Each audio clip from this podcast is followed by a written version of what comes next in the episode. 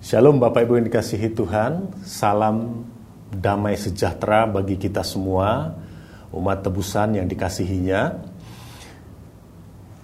Kali ini saya akan uh, membacakan satu ayat sebagai bahan perenungan kita dalam Yohanes pasal yang ke-12 ayat yang ke-46. Demikian bunyi firman Tuhan. Aku telah datang ke dalam dunia sebagai terang supaya setiap orang yang percaya kepadaku jangan tinggal di dalam kegelapan. Bapak Ibu yang dikasihi Tuhan, melalui ayat ini kita uh, dapat melihat bahwa pada saat itu Yesus sedang mempertegas atau memperkenalkan diri sebagai terang dunia dengan berkata bahwa aku telah datang ke dalam dunia sebagai terang. Pertanyaannya, mengapa Yesus harus datang ke dalam dunia ini sebagai terang? Karena dunia ini sedang diliputi oleh kegelapan, gelap oleh karena dosa, gelap atau digelapkan oleh karya-karya si jahat. Itulah sebabnya Yesus datang ke dalam dunia ini sebagai terang. Dikatakan tadi tujuannya adalah supaya setiap orang yang percaya kepadanya atau kepada Yesus jangan tinggal di dalam kegelapan. Artinya apa?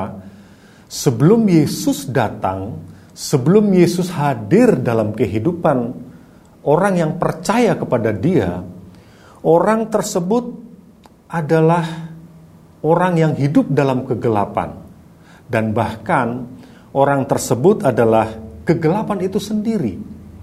Nah, demikian juga dengan saudara dan saya, atau bapak ibu dengan saya. Kalau kita berada di luar Kristus, itu artinya kita ada di dalam kegelapan, dan bahkan kita bisa disebut sebagai kegelapan itu sendiri. Nah, saya ingin mengajak Bapak Ibu untuk berimajinasi Nah, ketika Bapak Ibu melihat saya dalam di dalam uh, ruangan yang terang benderang seperti ini, saudara akan melihat saya dengan jelas. Tetapi seandainya atau kalau lampu, semua lampu yang ada di ruangan ini dipadamkan, saya percaya saudara yang saudara lihat adalah kegelapan. Nah, kita ingat ketika Bapak Gembala kita menyampaikan pesan Natal, beliau mendefinisikan tentang kegelapan. Kegelapan itu adalah suatu keadaan di mana di dalamnya tidak ada terang. Jadi, ketika kita berada di luar Kristus, sesungguhnya kita adalah kegelapan itu sendiri. Seperti tadi gambaran yang saya sampaikan, kalau uh, seluruh lampu yang ada di ruangan ini dipadamkan, maka yang terjadi adalah kegelapan dan bahkan saya juga terlihat sebagai kegelapan itu sendiri. Nah, itu yang terjadi kalau kita ada di luar Kristus. Itu sebabnya Yesus katakan tadi supaya setiap orang yang percaya kepadanya atau kepada Yesus jangan tinggal di dalam kegelapan. Jadi ketika kita merespon kehadiran Yesus yang adalah terang dunia itu dengan iman percaya kita, maka terang itu otomatis tinggal dalam kita.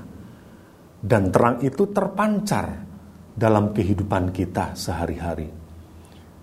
Tentunya sebagai anak-anak Tuhan, sebagai umat tebusan, sebagai umat pilihannya, kita rindu supaya kita tetap tinggal di dalam terang.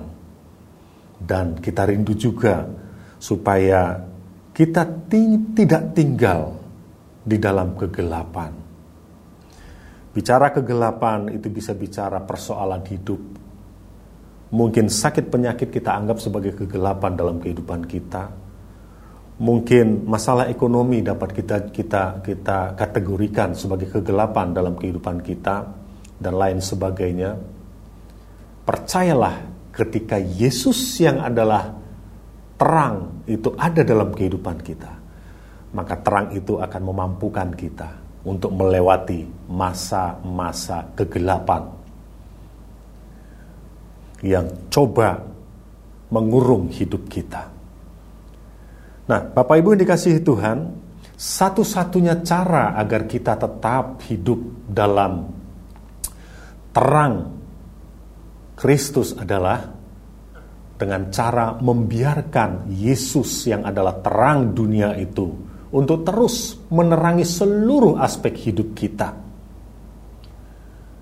Menerangi sisi-sisi gelap yang ada dalam kehidupan kita. Baik itu sisi-sisi gelap dalam pekerjaan kita atau usaha kita, sisi-sisi gelap dalam rumah tangga atau keluarga kita, Begitu juga sisi-sisi gelap dalam pergaulan dan bahkan ketika Kristus atau terang Kristus ada dalam kehidupan kita. Maka dia juga akan menerangi sisi-sisi gelap dalam pelayanan kita. Sehingga tepat seperti apa yang dia katakan bahwa kita ini adalah anak-anak terang Kenapa kita disebut sebagai anak-anak terang? Karena Kristus ada dalam kita. Karena Yesus yang adalah terang dunia itu ada dalam kehidupan kita. Oleh sebab itu melalui renungan kali ini saya ingin mengajak kita semua untuk tetap percaya dan untuk tetap mau memberikan hidup kita diterangi oleh terangnya yang ajaib itu. Sehingga perjalanan hidup kita dari waktu ke waktu berada dalam terang ilahi. Haleluya. Tuhan Yesus memberkati kita semua. Amin.